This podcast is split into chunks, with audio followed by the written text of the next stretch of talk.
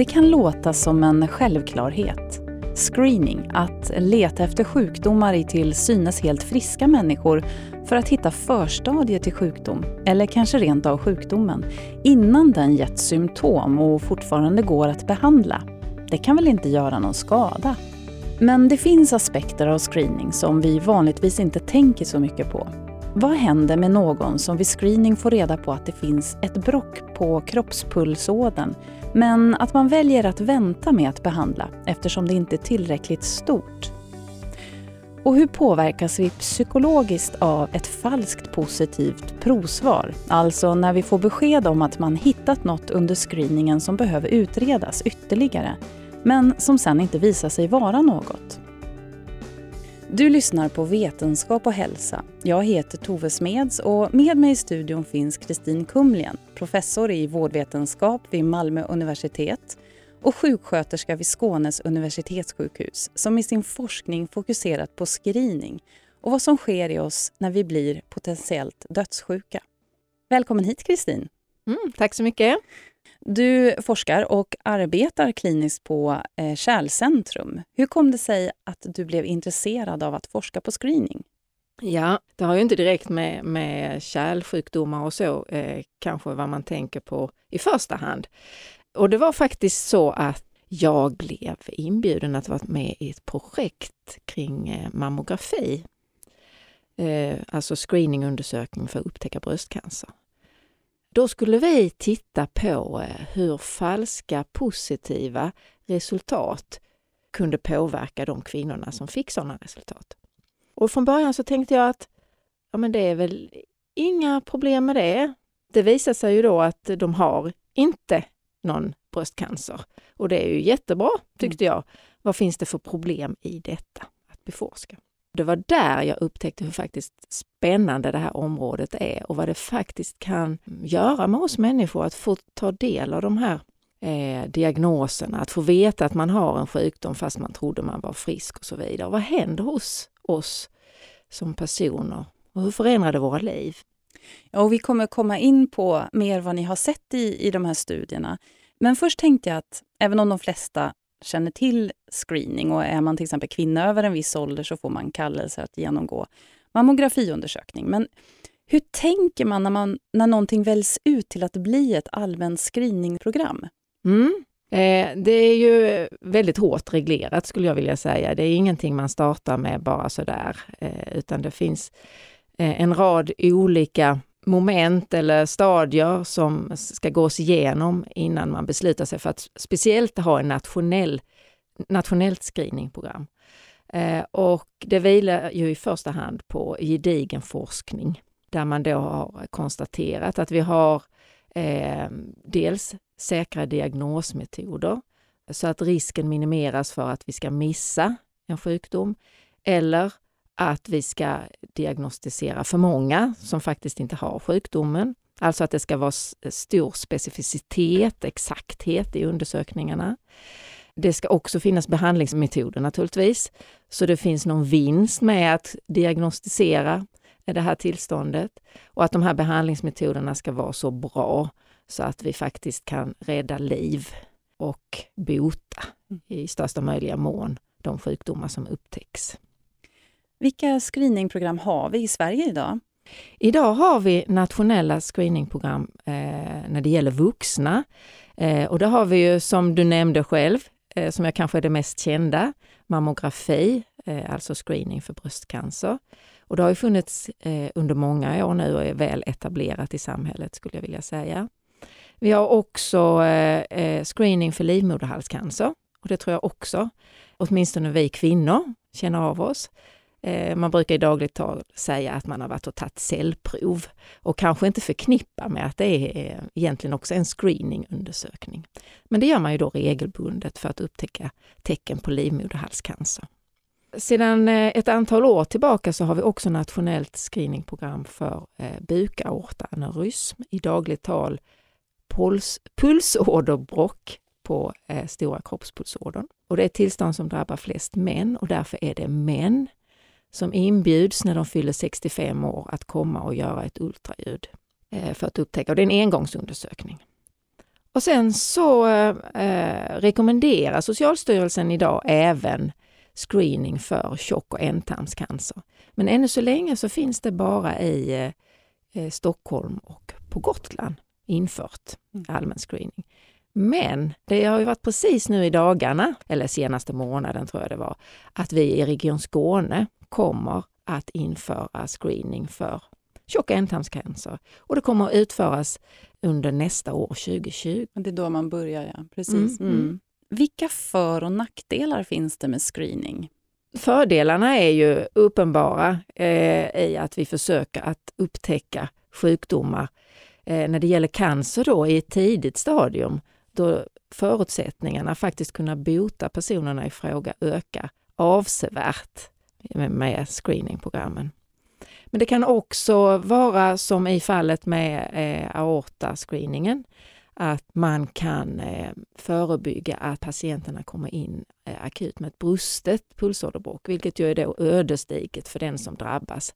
Och då kan man behandla de här pulsåderbråcken i ett lugnt skede eh, under ordnade former i planerade operationer, vilket har betydligt lägre mortalitet, alltså dödlighet, eh, i samband med eh, operationerna än vad det skulle ha varit vid ett akutskede. Så där, även här sparar man ju liv.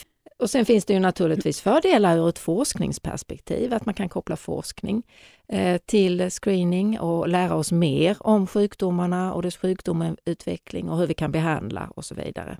Så att det finns ju den sidan också som kan vara oerhört positiv för eh, framtida behandlingar och så vidare och diagnosmetoder. Mm. En sak vill jag också säga som är positivt och det är ju faktiskt att väldigt, väldigt många friskförklaras.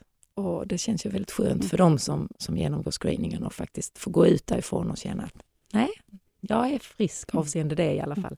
Vilka nackdelar finns det med screening? Ja, eh, och det var ju lite grann som jag eh, nämnde tidigare, att eh, det finns ju då en, en risk om man inte har tillräckligt bra diagnosmetoder, att vi missar den här sjukdomen vi letar efter och att faktiskt personen har sjukdomen men vi kan inte se den. Eh, men det kan också vara på andra hållet, att vi ser så tidiga stadier eller andra tecken som gör att vi tror att personerna har sjukdomen fast de faktiskt inte har den. Eh, och då blir det en, en form av överdiagnostik. Som i sin tur också kan leda till en överbehandling. Då vi behandlar personer i onödan som faktiskt inte hade behövt behandling för den sjukdomen och kanske kommer att drabbas av någonting helt annat i livet som kan vara mer ödesdigert för dem. Sen så eh, finns det ju också eh, en risk för att eh, personer som får diagnosen i onödan och så vidare eller får gå i uppföljning, att man drabbas av psykiskt lidande. Att man faktiskt mår väldigt dåligt av att veta att man har en diagnos som kanske inte ska behandlas direkt utan att man faktiskt får, får gå med det här ett tag och leva med vetskapen och detta kan ju i sin tur påverka livskvalitet och, och det dagliga livet i ganska omfattande bemärkelse för somliga. Och sen kan man ju också diskutera, beroende på hur vanligt det här tillståndet är, Eh, är, är, det, är det det här vi ska utnyttja, våra begränsade hälso och sjukvårdsresurser till att leta sjukdom istället för att ta hand om de som är sjuka? Eh, jag lägger inga värderingar i det vill jag eh, poängtera här, utan det är de argument eh, som framförs i debatten kring screening. Sen finns det ju en del språkliga utmaningar också med, med screening som vi skulle behöva eh, reda ut. Jag tänker på det här med positiva fynd. Mm. Det låter mm. ju jättebra. Ja visst, positivt det är ju någonting som, som är bra. Eh, men i screening-sammanhang så är positivt inte så bra. För positivt fynd, det betyder att man har hittat den eh, sjukdom som man har letat efter. Då är det ett positivt fynd. Så när man går ut från en screening eh, så hoppas man, ska man hoppas, att man har ett negativt fynd, mm. för då är det positivt för en själv. Mm. Så det här kan ju vara lite förvirrande för, eh, och, och, svårt att, att hålla eh, rätt i eh, tankarna för gemene man. Jag tänkte vi skulle komma in lite grann på din eh, forskning. Ni har ju bland annat undersökt då, eh, psykosociala konsekvenser av falska positiva mammografisvar. Berätta. Mm. vi gjorde ju det som sagt var. Jag gick ju med i denna och, och det var ett eh, forskningsprojekt där det var en doktorand involverad, eh, Anetta Boleiko, och hon har ju disputerat nu. Va, vad vi kunde se, dels så gjorde vi en intervjuundersökning där Anetta intervjuade en rad kvinnor som hade fått ett falskt positivt besked. Alltså hade de fått eh, hem ett meddelande efter de hade varit på mammografiscreening där det stod att man hade hittat en förändring, någonting som man ville utreda vidare innan man fastställde om det faktiskt rörde sig om bröstcancer eller inte. Och detta framgår ganska tydligt av informationsbrevet. Men vad vi såg i intervjuerna var att det blev en ganska tydlig blockering för de här kvinnorna eh, där man kanske inte riktigt uppfattade att diagnosen inte eh, till fullo var ställd, även om man förstod att man skulle tillbaka och undersökas ytterligare.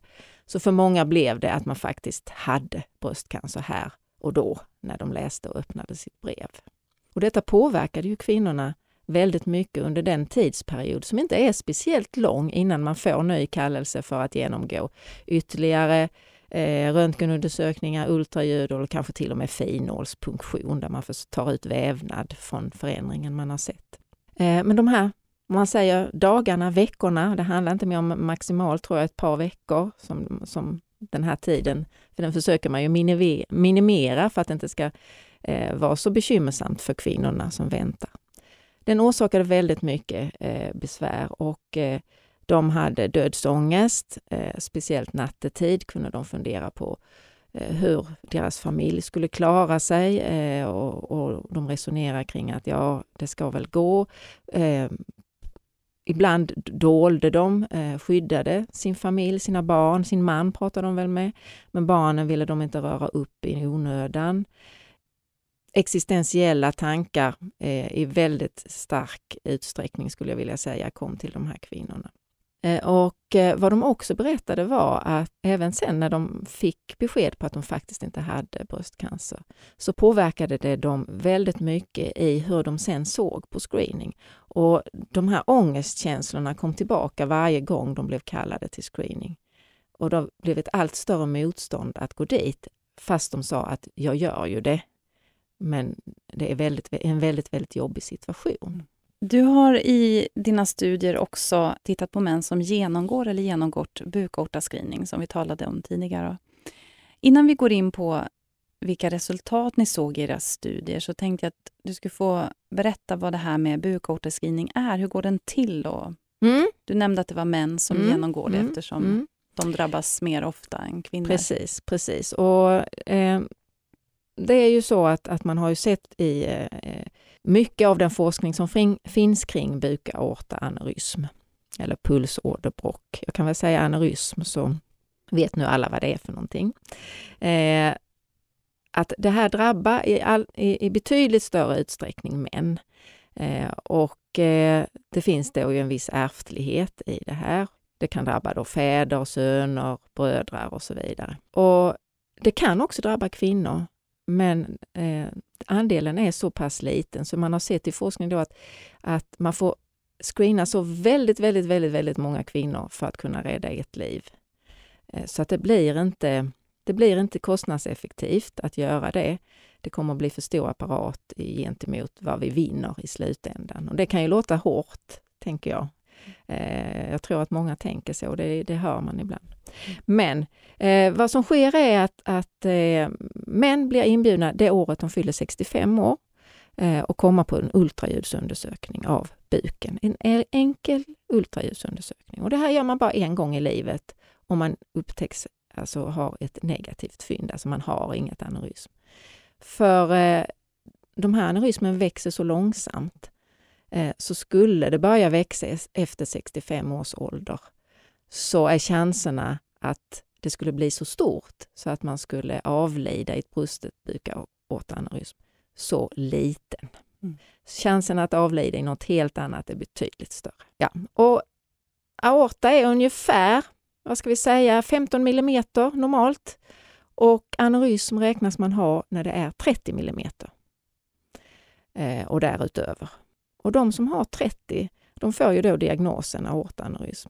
Men vad som är speciellt här är att de behandlas inte för sitt aneurysm. när de har 30 mm. Utan då får man gå i uppföljningsprogram eh, med återkommande regelbundenhet beroende lite på hur stort det är, lite tätare ju större det blir. Och först när det är 55 mm, då är man eh, i läge för att få behandling. Och, då, och det bygger på att då är risken för att det ska brista så pass stor så att vi vinner med att gå in och göra den här behandlingen. Mm. Mm. Och då gör man en kirurgisk? En kirurgisk mm. eller idag som vi har endovaskulär teknik mm. med hjälp av röntgenteknik mm. eh, som är ett betydligt mindre eh, arbetsamt ingrepp för eh, personen i fråga. Mm. Kroppen eh, belastas inte så mycket av de ingreppen. Eh, jag såg i en av dina vetenskapliga publikationer att sedan 1990 så är dödligheten för bukaortaneurysm hela 74 procent. Eh, varav en tredjedel av de som drabbas dör innan de hinner söka vård på sjukhus. Och enligt Hjärt-Lungfonden så är det ungefär 600 personer som avlider årligen i, i, i detta. Så man kan ju förstå att det finns stora fördelar med att göra den här eftersom tillståndet är nästan symptomfritt. Men berätta om er studie. Vad var det ni ville undersöka? Ja, när, när vi eh, i Region Skåne skulle starta eh, vårt screeningprogram. Idag är det ju, det har ju gått lite successivt införandet i landet. Idag är det som sagt för nationellt. Alla regioner i hela Sverige erbjuder det här. Men när vi skulle införa det så då var jag ju involverad i mammografiprojektet också. Eh, och då tänkte jag ju direkt att ja, eh, och speciellt med avseende att eh, alla blir ju inte behandlade direkt. Och hur påverkar det då de här männen? Och vad kommer det att innebära i deras liv att, att gå från frisk till att vara sjuk över bara en halvtimmes tid? För man får ju diagnosen direkt här och inte, behöver inte vänta på något brev och så oftast. Lite beroende mm. på hur det sköts. I, i, hos oss här eh, så får man det direkt. Men i vilket fall som helst så eh, får man ju då titta i litteraturen. Vad finns det? Vad vet vi? Vad har redan studerats i det här ämnet? Och då kan man se att det finns eh, Eh, Eh, det finns några studier, inte väldigt många, men eh, de eh, har väldigt olika upplägg och det blir väldigt svårt att sammanställa deras resultat. Så vad vi har gjort är att dels också startat en egen studie där vi har samlat in nu material som vi håller på att analysera med hjälp av frågeformulär för att försöka titta på hur man påverkas. De som får diagnosen och de som inte får diagnosen. Men vad vi också har gjort är att försökt göra en sammanställning, en systematisk litteraturöversikt för att titta på hur ser den samlade bilden ut av den forskning som finns.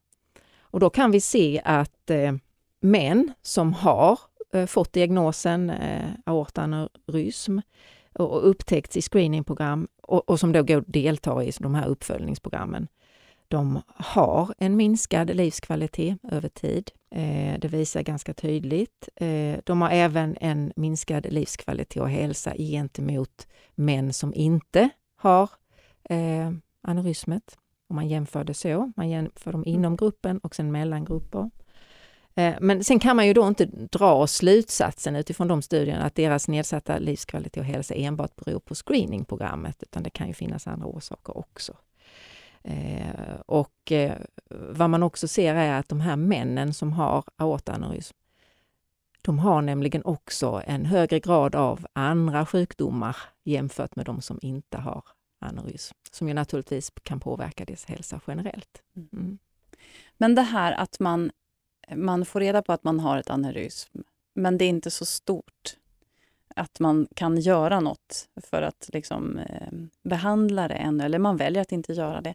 Vad får man för tankar? Vad, vad har de uttryckt för tankar, de här männen? Mm. Och det har vi också försökt titta på. Vi har eh, intervjuat män som har fått eh, diagnosen. Där kunde vi då se att, att de här männen eh, var ju eh, generellt sett eh, glada över att eh, diagnosen hade ställts för att det innebar ju samtidigt en viss trygghet att vara under eh, övervakning. Och man hade väldigt stor tillit till sjukvården eh, och kände att eh, ja, har nu sjukvården satt den här bollen i rullning så ja, då är det bara att följa med och, och jag överlåter mig åt dem, de vet bäst. Men sen fanns det också en viss tveksamhet, för det fanns män som hade erfarenhet att man kanske fick olika mått vid olika undersökningar och hur mycket kan man lita på måtten egentligen? Och, och det föddes en viss tvekan och det här måttet blev ju oerhört viktigt i de här männens liv. Och man pratade om millimeter. Jag har 40 millimeter och andra gången var det 42. Och, ja, så de, vi pratade med dem i grupp nämligen så att de kunde resonera tillsammans kring det här och dela sina erfarenheter. Så storleken blev väldigt betydelsefull naturligtvis för dem. Tankar kring vad händer om jag eh, är på fel plats när någonting händer? Och någon sa, nu hade jag 45 eh, millimeter eh, och är jag nu 10 millimeter från döden? Eh, är ett sånt här citat. Man hanterade ju naturligtvis den här kunskapen på olika sätt, men visst påverkade det deras liv i mer eller mindre utsträckning för att vi människor är ju olika och, och vissa kan leva med det här och tränga undan det, ha en mer fatalistisk syn på livet medan andra oroar sig väldigt, väldigt mycket och gör stora förändringar i hur man lever. Jag minns eh, när jag läste igenom en av publikationerna så var det en av männen som hade uttryckt det så att han undrade eh, liksom, kan jag lyfta den här tungan, kan jag lyfta 100 kilo utan att något händer? Mm, och, mm. Eh, så man förstår ju mm vad det sätter igång för tankar. Precis. Mm. precis. Och det, det, påverkar dem väldigt mycket. Det, det, det kan handla om sexuell aktivitet eh, som ju är en, en viktig del av livet och en naturlig del av livet som vi sällan pratar så väldigt mycket om. Men som man då kanske inte riktigt vågar eh, leva fullt ut eh, när det gäller den delen av livet också på grund av aneurysmet, vilket ju är oerhört eh, tragiskt. För då har man kanske inte vågat prata om det och frågat, är det farligt? Och så har man, bygger man sina egna uppfattningar och, eh, om saker och ting. Mm. Mm. Vad kan man ge för råd till, eh, till de som genomgår en screening och kanske de här männen då som får såna här funderingar? Vad kan, vad kan de tänka på att göra? Ja, alltså egentligen om man får en diagnos på ett analys som, som ligger så här vid 30 och, och ganska långt under den här, så ska man inte behöva ändra sitt liv någonting egentligen. Eh, för det växer fortfarande eh, väldigt långsamt. Eh, om man inte är rökare? Skulle precis komma till det, du har helt rätt. Eh, om man inte är rökare, för då är det, det, det är liksom det vi säger till de som är rökare, sluta rök. För då kan det stanna upp tillväxten. Eh, rökningen är en av de starkaste riskfaktorerna för eh, aneurysmtillväxt. Ni undersökte också hur partners till de här männen, hur de reagerade. Mm. Berätta. Precis, och, och den är ännu inte publicerad, eh, den studien, så den håller vi på att slutföra nu. Eh, där kan vi se att det är ju inte bara mannen naturligtvis som påverkas, utan familj och partners påverkas, påverkas också i en väldigt stor utsträckning. Eh, många av de här kvinnorna berättar, för det var fruar bara, eh, berättar om eh, hur de manade på sina män att gå till screeningen. Eh, att de kan, männen kanske inte ville gå, men de sa jo men det är klart du ska gå och så. Men hur oerhört chockade de blev sen när männen kom hem och sa att de faktiskt hade fått diagnosen. För det hade de inte i sin vildaste fantasi egentligen kunnat tänkt sig. Mm. Och eh, vad som är påtagligt är då hur man i en nära relation, relation samtidigt blir utanför man får andrahandsinformation. Man är sällan med när männen är på de här uppföljningskontrollerna och är man med så sitter man oftast ute i väntrummen eh, och får inte ta del av den information som ges, vilket gör att de, de, de eh, känner sig exkluderade och väldigt oroliga. De försöker ju då eh, se till att männen inte gör de här ansträngande sakerna som att vara ute i trädgården och lyfta och så.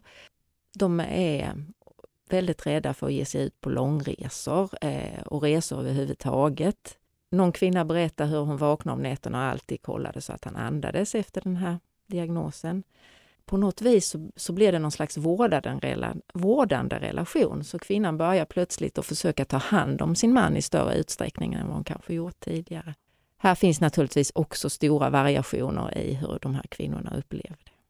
Du som har grottat ner dig i de här frågorna i din forskning, men även i ditt arbete inom vården. Har du tankar om vad som behövs för att motverka den här oron som patienterna möter eller erfar? Jag, jag, jag kan se att vi, vi saknar någon eh, del i den här screeningprocessen eh, och jag tror det gäller eh, kanske generellt för alla screeningprogram. Det är det här erbjudandet om stöd när man har frågor. Eh, vi har fina informationsblad och eh, det finns bra information på 1177 som man kan gå in och läsa om de olika screeningprogrammen. Men det är inte alltid som den här texten kanske är tillgänglig lika lätt för alla personer. Eh, vi brukar prata om någonting som vi kallar hälsolitteracitet, Alltså att vi som personer har olika förmåga att ta till sig eh, både skriftlig och muntlig information och hälsoråd, vilket gör att man, man eh, kan ha lite begränsad förmåga till att just eh, ta till sig de råd och, och, den information som finns och att vi inte anpassar eh, vår information utifrån denna förmåga. Och sen eh, så tror jag också att eh, tillgängligheten eh, avseende då eh, rådgivning skulle kunna vara mycket högre. Och det kan tyckas enkelt och självklart, men det är den delen som inte kommer med när vi skapar de här screeningprogrammen. Du har också skrivit eh, en debattartikel i Dagens Medicin. Vi länkar både till den och till dina vetenskapliga publikationer på vår hemsida. Eh, och I den artikeln så skrev du att vi borde tala mer om de som inte kommer till screening. Berätta. För det vet vi idag också från eh, tidigare forskning, både här i Sverige och internationellt att följsamheten till screeningprogrammen, alltså de som kommer till screening, det är inte alla som kommer. Och de som inte kommer, det är kanske de som skulle behöva komma allra mest. Då har man sett i, i de studierna att eh, det handlar om eh, personer som kommer från så kallat lägre socioekonomiska förhållanden, mer utlandsfödda personer, med eh, lägre utbildningsnivå och så vidare. Och Det skulle mycket väl kunna vara att de här också har en lägre hälsoliteracitet som jag talade om innan. Alltså en lite svårare att ta till sig och förstå information om hälsofrågor. Man har också sett i de här studierna att när man tittar på prevalensen av de här tillstånden som bröstcancer, livmoderhalscancer och då även aortaneurysm, så kan man se att prevalensen är högre eh, hos den grupp som faktiskt inte kommer. Mm. Alltså det förekommer oftare i de grupperna. Mm. Ja, och det är ju anmärkningsvärt. Mm. Kan en bidragande orsak också vara till att det kan vara svårt att ta till sig den kommunikationen som vården eh, använder? Ja, eh, absolut. Mm. Jag tror det. När vi eh, utvecklar och eh, sammanställer information och, och så till våra patienter så är det sällan vi involverar patienterna. Det är ju någonting som överhuvudtaget bara har kommit under senare år, att man kanske börjar tillfråga patienter, testa material på patienter, fråga vad vill ni veta, vad behöver ni veta och så vidare. Utan det är vad vi tycker de ska veta och på det språk vi tror är bra. Vilka konsekvenser får det på ett helikopterperspektiv? Ja, det gör ju att vi faktiskt i det här avseendet, vi, vi har inte en, en jämlik hälsa bland befolkningen. Även om vi har de bästa intentioner att erbjuda det så blir det ju inte jämlikt eftersom vi inte kan tillhandahålla inbjudan, information och eh, upplysning som gör att det blir förståeligt att det här kan vara bra eh, att delta i. Och att man kan göra ett, tänker jag, ett informerat aktivt val, för det är ju faktiskt frivilligt. Du har din fulla rätt att avstå om du känner att nej, man kan ju ha en uppfattning om att det är bättre att inte veta, jag, jag tar det när jag drabbas och så vidare. Och det måste man ju respektera. Men man ska kunna ha ett gott underlag för att ta det beslutet. Det är min eh, stora övertygelse att det är vi skyldiga att erbjuda. Där finns det lite kvar att göra med ja. andra ord. Mm. Mm. Vad hoppas du att din forskning eh, om screening ska leda till? Ja, alltså jag hoppas ju naturligtvis, dels så tror jag att vi får reda på väldigt, väldigt nyttig kunskap för oss som arbetar med screening. Som vi eh, kan ta med oss i mötet av de här personerna som kommer till screening och som går i uppföljningsprogram eller vad det nu månde vara. Så är det nyttig kunskap för oss att ha med oss. Men eh, jag tror också eh, och hoppas att det kan vara en, en väckarklocka att vi behöver något mer led i våra screeningprogram. Där vi kan minimera risken för psykiskt lidande ytterligare något för de här personerna. Tack så jättemycket för att du ville komma hit, Kristin Kumlien. Mm. Tack för att jag fick komma. Mm. Mm. Du har lyssnat till en poddserie om forskning som produceras av redaktionen vid Vetenskap och hälsa. Inspelningsproducent George Godfrey, Skånes universitetssjukhus. Mer information finns på vetenskaphalsa.se. Du kan också följa oss på sociala medier.